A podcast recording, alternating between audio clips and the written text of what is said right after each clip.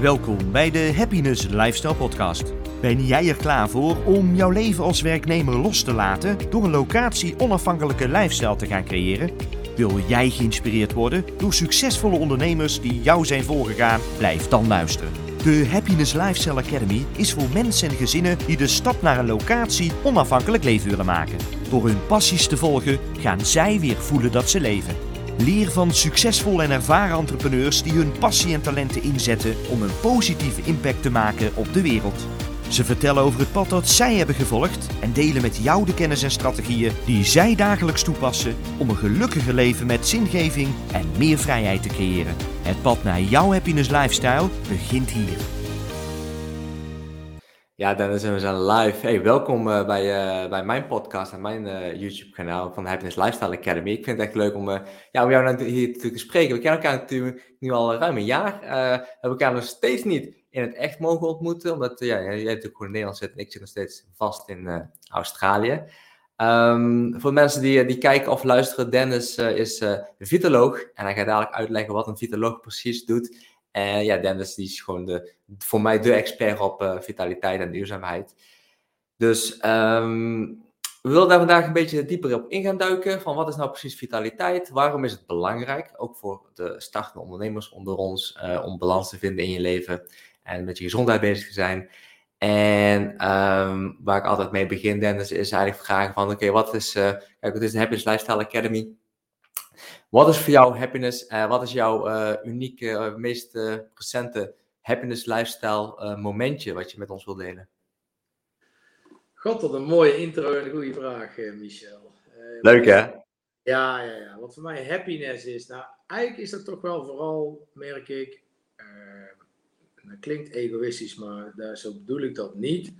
Maar eigenlijk vooral dat kunnen doen waar jij gewoon energie van krijgt. Dat is ook een mooi breukje naar straks, naar vitaliteit. Uh, gewoon doen waar je goed in bent, waar je energie van krijgt, waar je plezier uit haalt. En als je dat heel veel kunt doen, ja, dan, dan haal je wel voor, dan, dan word ik in ieder geval heel gelukkig. Ja, inderdaad. Dat ben ik eigenlijk met je eens. En, en heb je een recente heb je een momentje wat je, wat je wilt delen? Ja, dat wil ik zeker. Ja, ja. Uh, nou, het meest recente voorbeeld daarvan is wel dat ik, ik heb al jarenlang de droom om naast mijn rol als ondernemer, om wat meer als voetbaltrainer te mogen doen. Ik ben al, ben al jaren 15 ook voetbaltrainer uh, bij de amateurs. En daar komt nu per oktober een, een, paar uurtjes in de week bij, omdat ik ook de, in de jeugdopleiding van FC Den Bosch mag gaan faciliteren. Ja, gaaf. Dat is voor mij is dat dus echt gewoon iets waar ik ja, al heel mijn leven mee bezig ben niet meer verwacht en het is er nu toch. En ja, nou, dus dat, dat geeft mij wel echt uh, een, een gevoel van geluk. Want dan mag ik dus echt gaan doen wat ik leuk vind, waar ik energie uit haal, nou, et cetera. Ja, natuurlijk. En daar, gaat het natuurlijk even ook om. We zijn natuurlijk allemaal bezig met, uh, met happiness naast te geven, je passie naast te geven. Jij, gaan we daar even op in. Jij bent natuurlijk, net als ik, uh, ja, al heel lang mee bezig. Uh, jouw motto is ook van, uh, als je doet waar je van houdt, dan hoef je nooit meer te werken. Als je doet waar je het ja. gelukkigst in bent, dan hoef je nooit meer te werken. Goed, dat is een motto wat ik zelf ook, uh, ook ambieer, want het klopt ook echt. Als je iets doet waar je echt blij van wordt, je bent je passie naast het geven, je bent gelukkig, dan, ja, dan ben je eigenlijk wel technisch aan het werk, maar het voelt niet als werken. In ieder geval Precies voor mij. ja, dus we gaan man, gefeliciteerd. Hey, hoe, heb je dat natuurlijk ook wel mogen vieren? Hoe heb je het gevierd? Heel bescheiden. ja, gewoon uh, uh, in mijn familie gedeeld. En uh, ja, eigenlijk gewoon ook, ook met mezelf, gewoon simpel, bakje koffie, dat is het. En gewoon, gewoon blij, dankbaar. Dat is misschien wel het woord van dat ik na al die jaren, zeg maar, ik, ja, ik heb best wel leuke dingen mogen doen op dat voetbalveld. En dit altijd wel nagestreefd, maar het kwam steeds maar niet. Het losgelaten, dan is het er toch weer. Dus dat betekent dat het werk wat je hebt gedaan, in ieder geval in de regio waar ik dan werk, uh, opgevallen is. Nou, eer en erkenning van je werk, dat geldt voor iedereen. Altijd leuk, dus ook hierin. En dat je dan uiteindelijk uitgenodigd wordt voor een gesprek, want daar begon het mee. En met slotconclusie, ja, dat je daar mag beginnen. Ja, dat, dat, maakt mij dankbaar. En daar heb ik gewoon, uh, ja, vooral innerlijk van genoten. Weet je wel, van hey, yes, ik mag aan de slag. Maar verder geen gekke dingen gedaan. Kom maar ja, stil, nee, maar... bewustwording van, uh, nou, wat gaaf dat ik dit mag gaan doen. Ja, ik vind het mooi dat je ook zegt, dankbaar. Je bent er dankbaar voor. Ik denk, ik denk dat, dat heel veel mensen ook eigenlijk uh, als vanzelfsprekend, uh, ja, te veel mensen vanzelfsprekend dat overslaan. Dat je ook even stilstaat, reflecteert en dankbaar bent voor ja, wat, wat er op je af, afkomt, wat er op je pad komt. Dus ja, mooi. Dankjewel uh, voor het delen. Hey, en um, ja, dan gaan we dan gewoon gelijk uh, vragen van, wat is dan precies nou een vitaloog, Dennis? Ja, dat willen we nu weten. Ja, die vraag die krijg ik vaak. Nou, een vitaloog is eigenlijk iemand die drie rollen. Uh, het, is, het is een uh, specialist in het generalisme. En wat doen wij als vitaloog? We doen eigenlijk drie dingen. We kunnen optreden als een soort van consultant bij bedrijven die aan de slag willen op het gebied van duurzame zetbaarheid en vitaliteit. En eigenlijk nog niet helemaal weten van oké, hoe kunnen we al die losse initiatieven die we aannemen ombouwen tot een tactisch en strategisch programma. Dus daar, daar kan ik als vitaloog in meedenken en adviseren. Nou, en als dat adviestraject dan afgerond is en er zou eventueel een opdracht uitkomen, dan kan ik dus ook eh, optreden als trainer. En dan is het met name verzorgen van workshops op allerlei vitaliteitsgebieden. Dat zal waarschijnlijk vandaag nog wat vaker uh, langskomen. Uh, of als coach, en dan ga je wat meer of in de teamcoaching of in de één op één ook, ook weer op de gebieden van vitaliteit waar op dat moment bij de coachie of bij het team behoefte aan is. Dus dat is een beetje de rol uh, die je als vitaloog hebt. En het mooie is dat dat uh, initiatief een jaar of vijf geleden is gestart door Klaas Koster. Dus de oprichter mm -hmm. van uh, Vitalogisch. die eigenlijk vanuit zijn salesachtergrond gedacht heeft, ik wil gewoon een organisaties anders laten samenwerken. Veel meer organisch, veel meer krachten bij elkaar brengen. Uh, iedereen uh, komt wat brengen en wat halen. Om zo ja, die community en zijn gedachtegoed groot te maken. Uh, hij heeft een boek geschreven inmiddels. Dat is aangeslagen. En sinds vorig jaar is Vitalo een officieel erkend beroep in Nederland. Sterker nog, volgens mij sinds een paar maanden ook een van de kansrijke beroepen. Zoals die bij het UWV gekenmerkt staat. Oké, okay, mooi. Dat is mooi. Tijd. Ja. Hey, want, want als, je, eh, voor mij, als ik dan denk aan vitaliteit, dan, dan leg ik meteen een link met, met uh, burn-out. Um, om, om, als, als, een, als een middel om in ieder geval te zorgen dat je burn-out voorkomt. En we zijn natuurlijk uh, afgelopen ja, tien jaar is burn-out is heel erg in opkomst geweest in, in Nederland, ook in het bedrijfsleven. Um, wat, wat is dan precies vitaliteit voor jou? Hoe, wat sta jij onder vitaliteit? Nou, nou goed, de leer die ik heb aangeleerd, zeg maar, gekregen, waar ik ook echt achter sta, die ik ook wel eh, heel graag uit wil ademen, is dat, dat vitaliteit volgens de filosofie van, bij ons bij Vitalogisch uit vijf gebieden bestaat. En wij noemen dat een taartpunt als het ware. Het is eigenlijk gewoon een cirkel, maar ja, we noemen het taartpunt, vraag niet waarom, omdat vijf kleine icoontjes zijn, denk ik. Um, de eerste is eigenlijk altijd, waarom komt iemand in beweging? Um, en met onze achtergrond weten we dat er eigenlijk twee redenen zijn waarop iemand in beweging komt. Of de pijn is te groot, en van zo, ja, dit wil ik echt niet meer. Uh, of er is een enorm groot verlangen waar je naartoe wilt, maar waar je nog niet van weet wat het gaat brengen. Dus ja, dat noemen we altijd. Is, is, is, is, is een van de twee uh, voor mensen een sterkere beweging of motivatie dan de ander? Ja, volgens mij heeft het onderzoek wel uitgewezen dat zo'n beetje 80%, die 80-20 regel kun je bijna op alles toepassen mensen pas echt in beweging komen als de pijn te groot is. Of lees de waarschuwing die je gehad hebt hè, eh, te groot is geweest. En dat kan dus een burn-out zijn. Bedoel, uh, mensen die uit een burn-out komen, die. Nou, zo de mensen die ik ken, die zeggen allemaal: ja, dit nooit weer. Uh, ja. Dat is de insteek op dat moment. Dus dan voelen zij echt een noodzaak om hun hun leefstijl, want dat is het, is gewoon complete leefstijl, een afstemming, waar haal ik energie uit en wat kost me energie, om dat veel beter op elkaar af te stemmen. Dan is de noodzaak dus ontzettend groot. En je hebt sommige mensen, en dat is die andere 20%, die veel meer van uitkijkt en denkt, hé hey, wacht even, uh, ik sta nu op dit punt in mijn leven, ik wil eigenlijk toch wel ook in goede gezondheid mijn pensioen halen bijvoorbeeld. En ja, ik hoop dat wat meer mensen dat wat sneller gaan denken dan pas op hun, laten we zeggen, zestigste. Ja. Al dat soort dingen. Uh, dus, dus de trigger is vaak, oké, okay, ik heb een verlangen waar ik naartoe wil. Ja, of ik heb een pijn uh, die ik gewoon niet meer wil hebben. Of een ervaring meegemaakt die me zoveel heeft gekost, uh, dat, dat ik dat gewoon niet meer wil. Dat zijn vaak wel ja. op, op individueel niveau de trigger points. Yes, en ik, ik, we zien dat natuurlijk ook vaak met, ja, we werken allemaal met dezelfde klanten. En we zien dat ook vaak bij onze klanten, denk dat de pijn vaak, en daar komt die, die 20-80% regel, ben ik eigenlijk wel mee eens. Ik denk dat vaak mensen de pijn te groot laten worden. Um, omdat, wat ik, mijn ervaring is dat de, beloning vaak niet als realistisch wordt gezien. Of dat, van, dat, dat, dat, ze gunnen het zichzelf niet. Of ze denken dat ze het toch niet uh, waard zijn om, om, om zoiets te ontvangen, als het ware. Ja. Dan, blijf je, dan blijf je maar zitten in die pijn. En dat heb ik zelf ook, ook gedaan, helaas. Ik kan zelf ook mijn, mijn hand opsteken daarin. Nou, het mooie is, ja. jij burn-out, wat dan ook nog een ondergeschoven kindje is, is eigenlijk het tegenovergestelde, met wel dezelfde symptomen. Dat is de bore-out. Ja, dus uh, burn-out brand je jezelf op, omdat je te veel hooi op je vork neemt. Bore-out zit aan de andere kant van het spectrum. Uh, maar wel dezelfde symptomen, lichamelijk en fysiek. En, uh, dat is trouwens hetzelfde, hè? lichamelijk en fysiek. Mentaal en fysiek. Uh, alleen die ontstaat vanuit onder je kunnen werken, te lange tijd. Dus als jij iets gewoon volledig in de routine doet, waar je geen plezier meer uit haalt, en je doet dat te lang, dan kun je dus dezelfde symptomen krijgen. En die kennen heel ja. veel mensen ja. niet. Nee, nee dat klopt. Uh, ja, mooi is dat. En dan, dat, dat is eigenlijk de eerste taartpunt, toch? Zo benoem je ja, het net. Dus, ja, ja, dus uh, ja, het begint bij nut en noodzaak, want zonder noodzaak geen verandering. Dat is een beetje, zeg maar, uh, het heilige, de heilige graal. En net zeg ik dat voor individuen.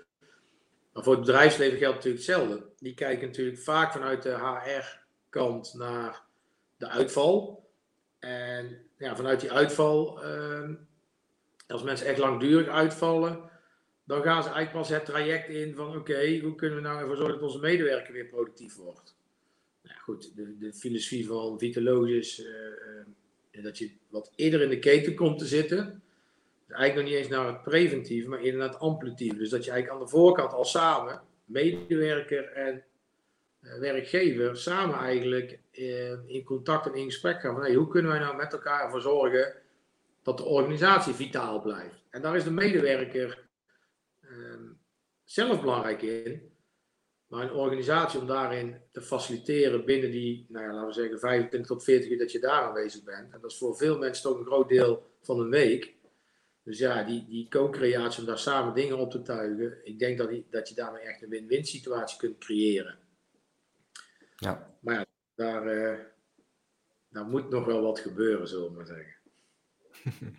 Ja, dat, dat uh, uit ervaring spreken nu, neem ik aan.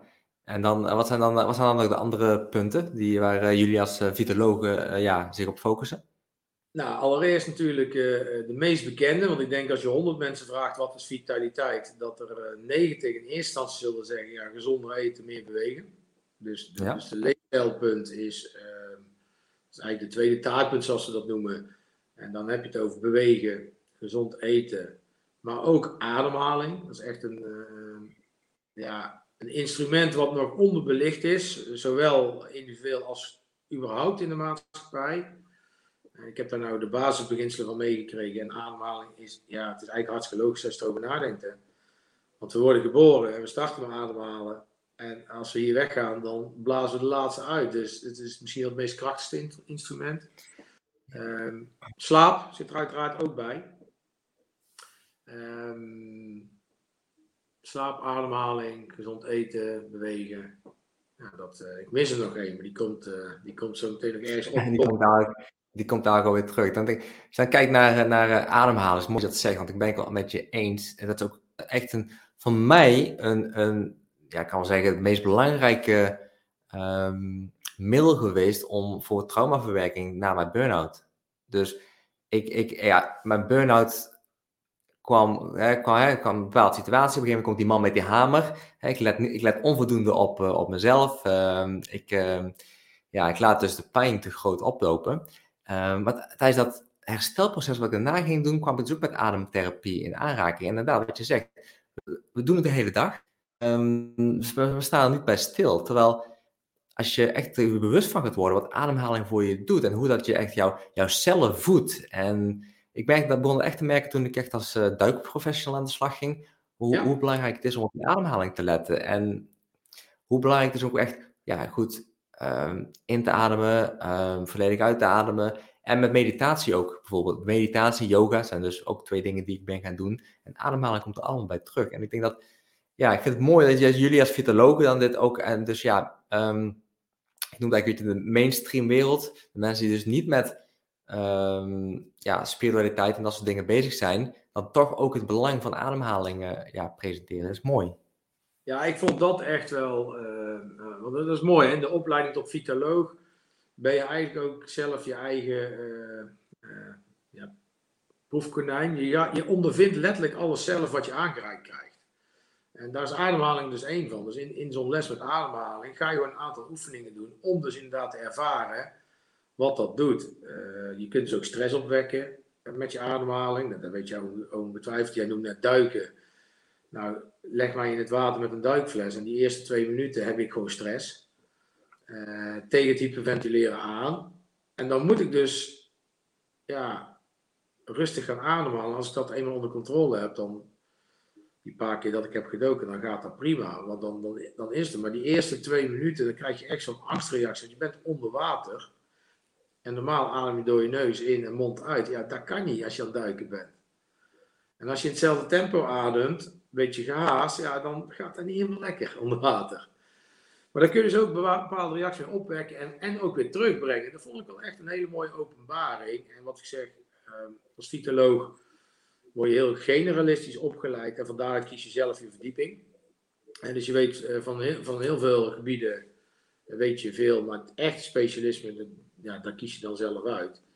Dan denk je, ademhaling zou voor iedereen, misschien zelfs wel gewoon al vanaf, vanaf kind zijn op de basisschool, zou je daar iets meer aandacht hebben. We krijgen allemaal biologie, maar ademhaling heb ik eigenlijk nooit voorbij horen komen.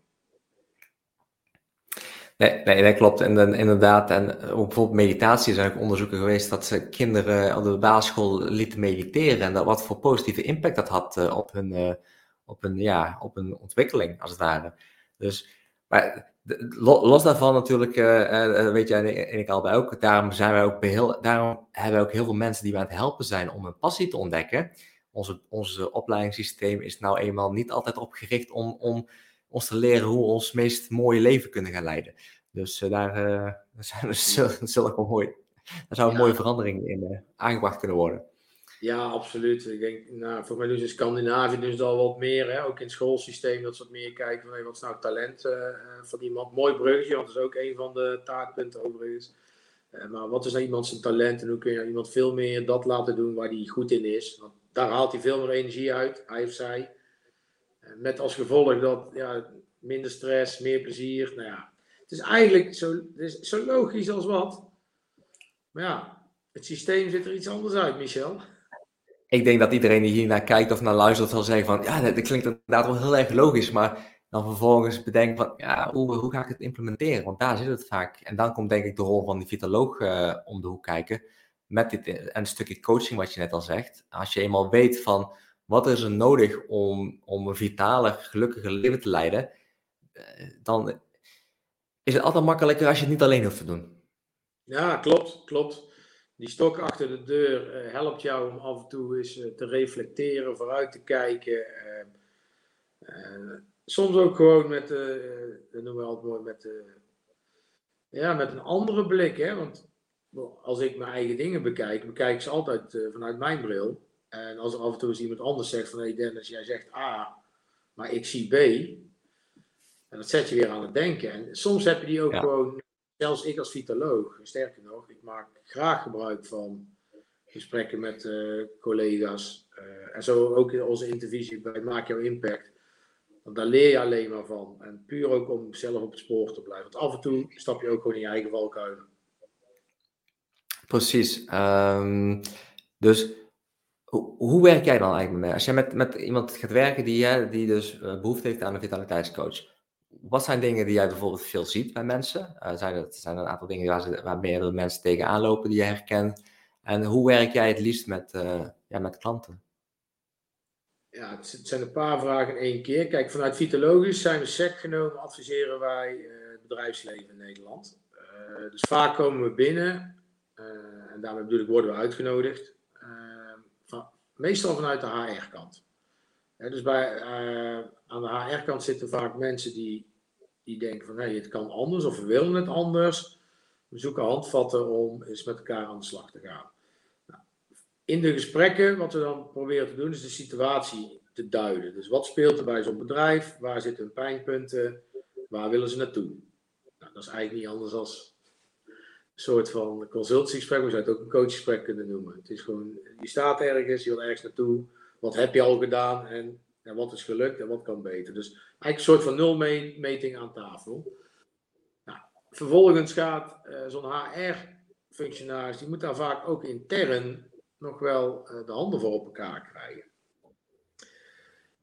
Nou, ik probeer een beetje de korte versie te vertellen, want ik ga een aantal stappen doorheen. Als dat dan lukt, dan is vervolgens belangrijk dat je ook de organisatie meeneemt in van oké, wat gaan we dan doen op vitaliteit? En dat doen we op een aantal manieren.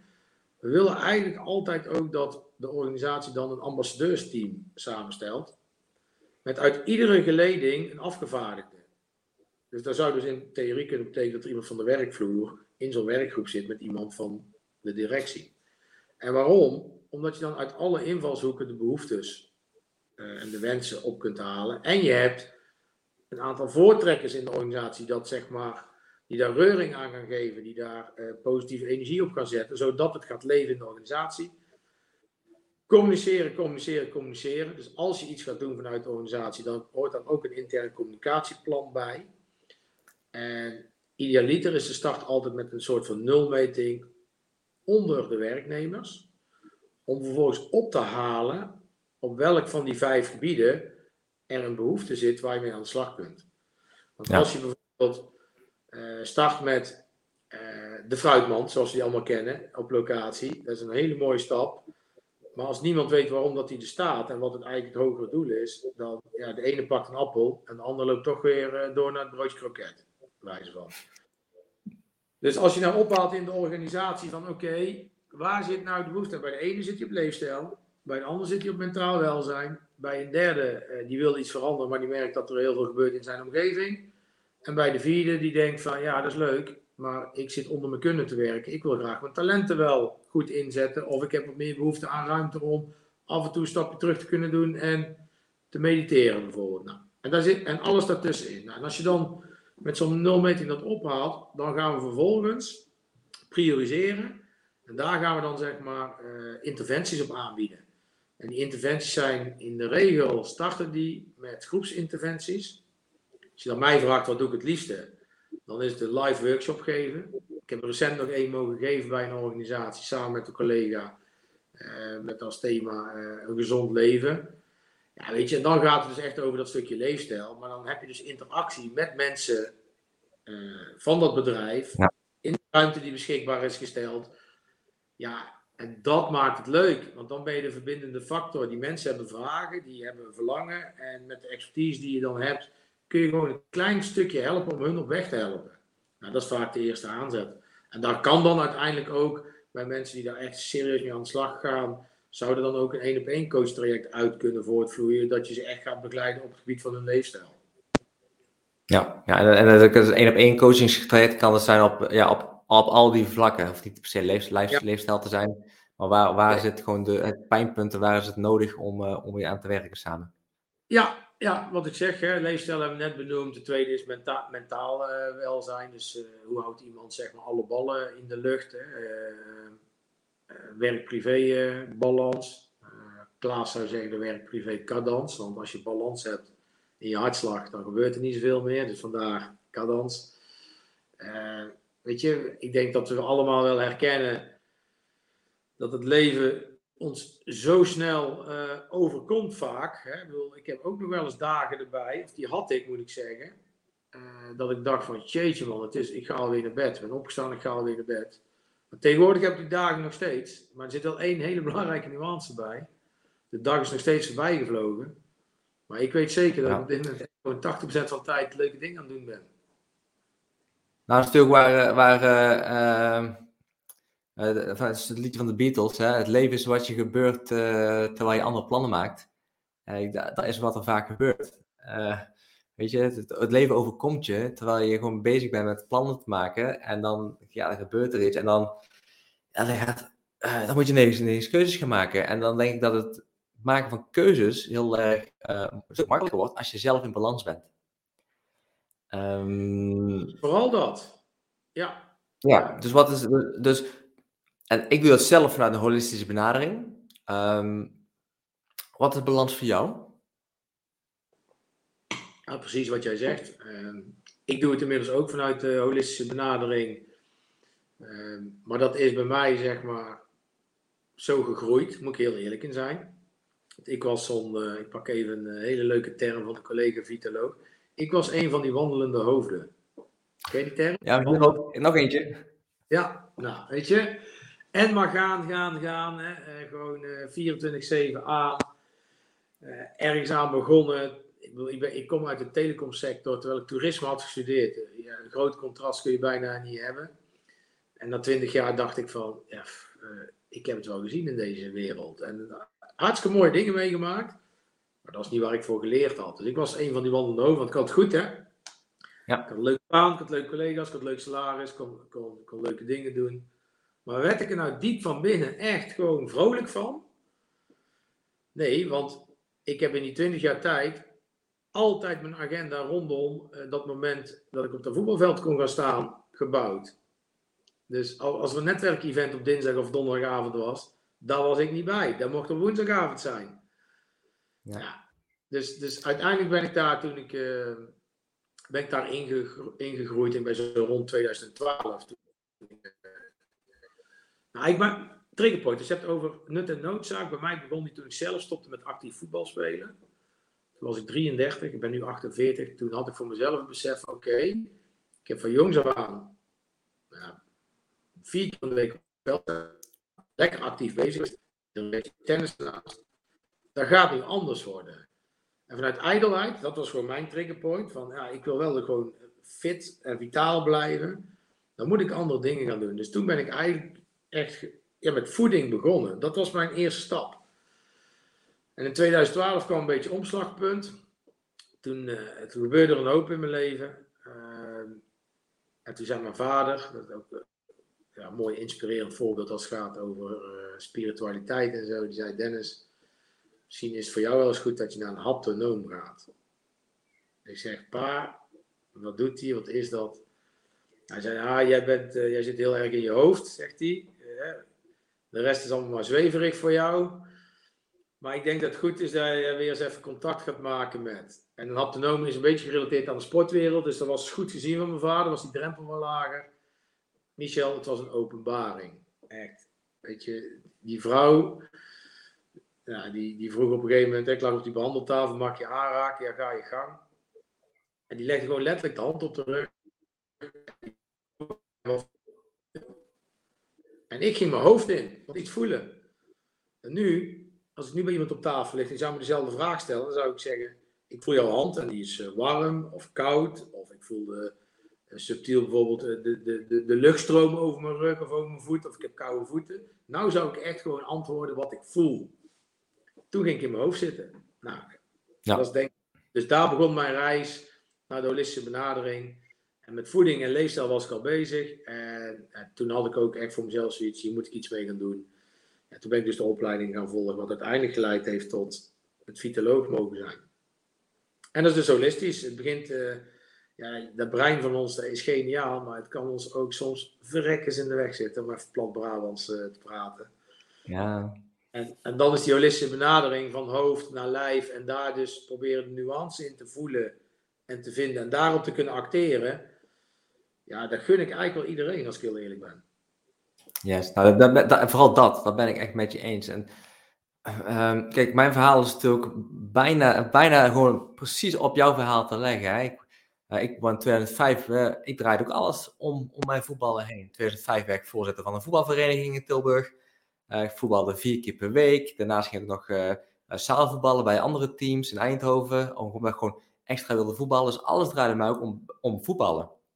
En ook in, ook in 2012 was voor mij echt de, de, het, het, het grote omslagpunt dat er een trigger was. Maar daarvoor merkte ik al wel, hè, ik kreeg meer blessures. Ik, ik, ik begon al wel, ja, het begon wat moeilijker te worden. En ik, ik kreeg, mijn lichaam gaf me signalen van, hey, dit, je, moet je moet iets meer in balans gaan komen. Michel, het gaat niet helemaal zoals het hoort. En je werkt fulltime en doe je alleen maar om geld te verdienen, zodat je gewoon lekker met je vrienden op stap kan en kan voetballen.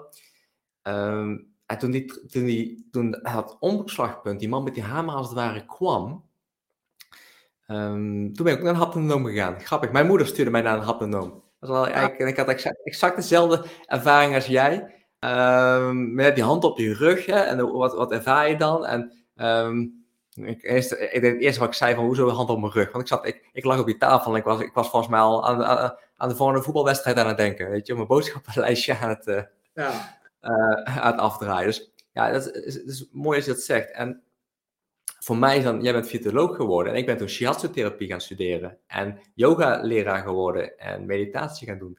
Dus op die manier, uh, ja, dus, dus en wij zijn niet de enige daarin. Ik denk dat heel veel mensen die, die ook ons volgen met de Happiness Lifestyle uh, Academy, ook Micro Impact volgen, die uh, jou, jouw privé volgen, die mij privé volgen, die hebben allemaal een soortgelijk verhaal. Die herkennen zich heel erg in, in de stappen die wij hebben doorgenomen. En ik vind het dertigersdilemma vind ik ook zo'n mooi boekje ja. Um, ja. daarover. Weet je, het staat, die staat, je kan hem net zien achter mij, dat is het groene boekje daar in de hoek. Ja, ja. Die heb ik die heb, ik, die heb ik gewoon uit Nederland laten opsturen. Want ik denk, die wil ik nog een keertje lezen. En een andere hele mooie, die, boekje wat ik, uh, wat ik heel mooi vind, is het boekje van Ben Tikkelaar. En ik, uh, is Dromen durven doen. En ik zeg dat natuurlijk ja. nu, want die staat, dat is in principe eh, de banner op, jou, ja, op jouw website. Hè, jouw, uh, jij staat er ook achter. En dat, dat zijn, ja, het is zo belangrijk om dan met dat soort dingen bezig te zijn. Um, het mooie is dat je dat zegt, dat boekje.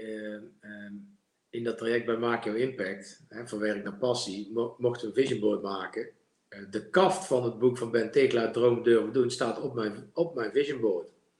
Ja, gaaf. Ja, weet je, dat boek heb ik ook, ja, dat is, nou, dat is dan ook zeg maar die ontwikkeling hè, van uh, die persoonlijke ontwikkeling om holistisch bezig te zijn. Heel veel gelezen ook, dat zul jij wel herkennen. En dan de ene keer, ja. uh, ik vind bijvoorbeeld eerste, eerste aanraking voor mij met spiritualiteit was uh, Kracht van Binnenuit, van Hans-Peter Roel. Weet je, dat, vond ik zo'n geweldig boek. En toen ging ik ook aan. Dus was ik al bij die haptonoom geweest. En toen kwam dat boekje, weet je wel. Toen dacht ik van, ja, Dennis, als je dus gewoon de energie in jezelf hebt. En je kunt hem aan gaan spreken. Dan zijn we toch met z'n allen eigenlijk gewoon gek dat we dat laten liggen. Dat we ons eigen laten leven. En, ver afgaan van die natuurlijke energiebronnen die we gewoon hebben. Ja. Uh, doordat, ja, nou ja, ja waarom? Ja, omdat we veel afgeleid worden misschien wel. En ook wel, herken je misschien wel, toch ook wel vaak goed willen doen, vooral ook voor anderen. Dus in alle heel, heel erg. Weet je, mensheid wil ook in harmonie leven, hè, in die roedel zitten. Bedoel, zo zijn we natuurlijk ook uh, geëvolueerd. Dus dat betekent ook nog wel eens dat we best wel vaak dan merk ik althans dat mensen gewoon veel keuzes maken die niet altijd eigenlijk de keuzes zijn die zij vanuit hun hart zouden maken.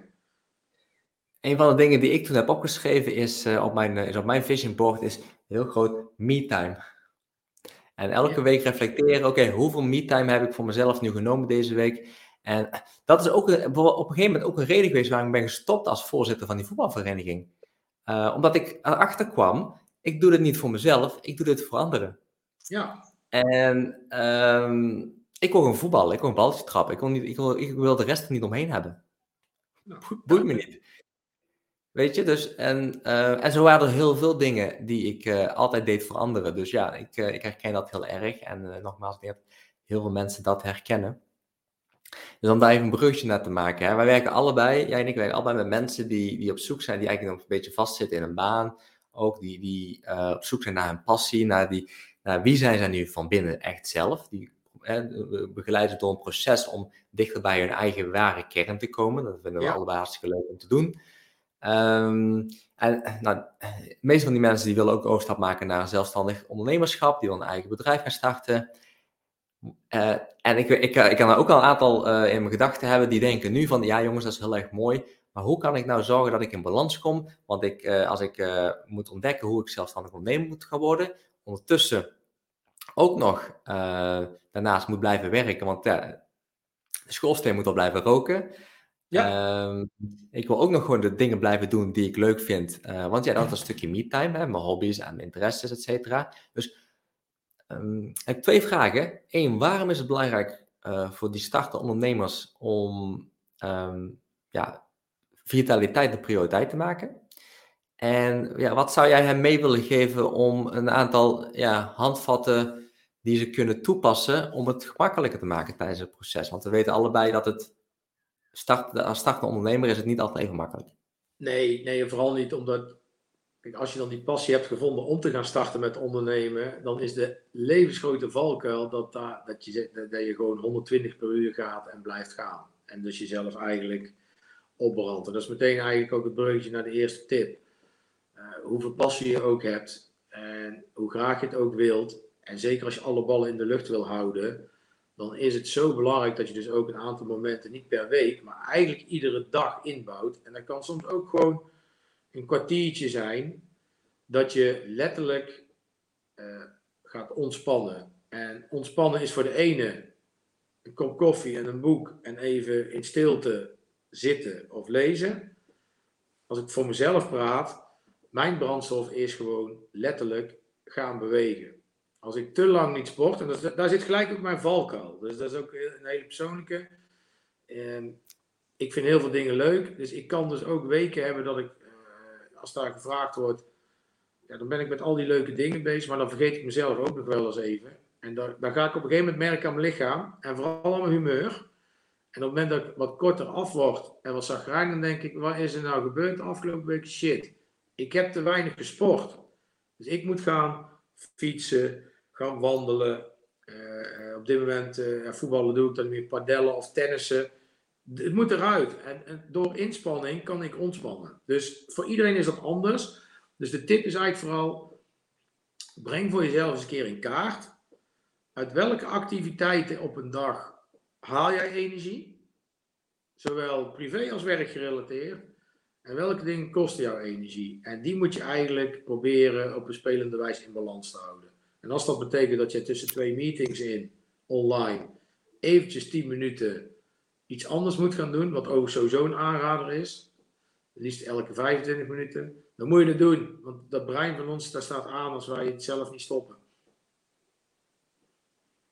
Dus dat is één tip. Um, nou, ik weet niet, is, is daarmee eigenlijk die vraag beantwoord die je zo gesteld hebt? Ik vind weer heerlijk. Uh, ja, dat is, dat, dat een hele mooie tip. En ik denk dat, um, daar, ik wil dan ook een valkuil van mezelf bij benoemen. Um, dat ik, zelf ben ik dan, uh, word ik dan strategie, als ik dan uh, bewijzen van niet elke dag gaan sporten, dan voelt het ook als falen. En ik denk dat, dat, zie ik ook vaak terug bij, bij, mensen. Dan, dan, en wat jij zegt is daarom heel erg mooi. Als je op een gegeven moment voelt van, hey, bijvoorbeeld, je, je hebt iets nodig wat jou ontspanning geeft, wat dus voor jou belangrijk is als me-time of als oplaadmomentje, dan ga dat dan ook gewoon doen, maar ook zonder oordeel uh, eromheen als je het bijvoorbeeld een tijdje niet hebt gedaan. Als, uh, als ik ook ergens mezelf in verlies en iets leuks, dan kan ik ook zijn, zo, bijvoorbeeld een week niet, geen yoga doen. Maar dan gaat mijn lichaam ook protesteren. En dan weet ik van, oké, ja, uh, misschien toch maar eventjes mezelf een maken. Hoe, uh, hoe leuk ik dat andere, wat, uh, wat ik aan het doen ben, ook, ook vind. En dan, wat ik er dan ook vaak achter kom, dan blijkt het vaak ook te zijn, dan ben ik iets aan het doen voor een ander en niet voor mezelf. Oh, ja, ja, ja. Ja, wat, wat, wel echt een hele mooie quick win is die ik ehm, ja, in, echt in de coronaperiode heb ontdekt, ook voor mezelf. Hebben natuurlijk ja, wereldwijd zijn we veel meer van achter beeldschermen gaan werken. Ook veel meer thuis. Hè. Zeker toen we in lockdown zaten, ja, dan ja, de, de thuisomgeving was het. En wat ik toen echt gewoon frequent elke keer deed, uh, elke dag gewoon, want dat, dat is makkelijk. dan heb je je eigen woning en je hebt altijd wel een trap. Maar als ik stond te wachten op mijn kop koffie of mijn kop thee, dan heb je even twee minuten toch dat je eh, achter het beeldscherm weg bent. Ik gebruikte die twee minuten letterlijk, heb ik mij aangeleerd als nieuwe gewoonte, om dan in beweging te komen. Dus als die theepot aanstond, dan stond ik, uh, uh, weet ik veel, ik deed 15 squats en 15 push-ups. Of ik liep de trap even vijf keer op en neer omhoog. En het mooie is, als je dat dus doet, dan, dan maak je dus letterlijk die vastzittende energie los. En dan, daarna heb je ook weer gewoon energie. En, en het brein achter een scherm, die heeft even rust gehad. Ja, dat heb ik echt gewoon een jaar lang toen eh, in twee lockdowns gedaan. En dat heeft mij zo geholpen. Het is zo'n eigenlijk is het zo simpel, maar je moet wel doen. Ik vind het mooi, want dan, zit ik, ik bedenken, wat doe ik er zelf als ik, mijn als ik een theepot uh, aanzet? Uh, dan pak ik mijn telefoon en dan ga ik het nieuws lezen. En dat is natuurlijk eigenlijk precies het meest verkeerde wat je kan gaan doen, want dan ben ik en niet in het moment. Ik laat me afleiden door, door dingen die, uh, waar ik niks, geen invloed op kan uitoefenen, die eigenlijk um, ook helemaal belangrijk zijn. En, ik, en inderdaad, ik, ik benut niet dat momentje het beste, want ja, ik, eigenlijk zou ook gewoon, uh, ik ga het goede, dat is een goede. Ik ga hem zelf uh, kijken of ik kan toepassen. Ja, kijk maar, kijk, wat.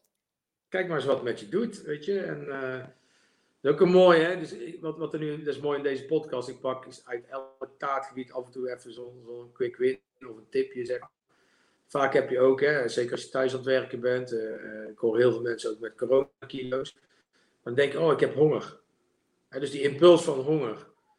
Je zult merken als je op zo'n moment of even uh, wat water of thee drinkt of koffie, of in beweging komt, zoals ik net heb verteld, dan zul je ook merken dat die, dat die hongerimpuls er niet is. Het was geen honger, maar het was eigenlijk gewoon een signaal van hey, er zit energie in je lichaam wat vrijgemaakt moet worden.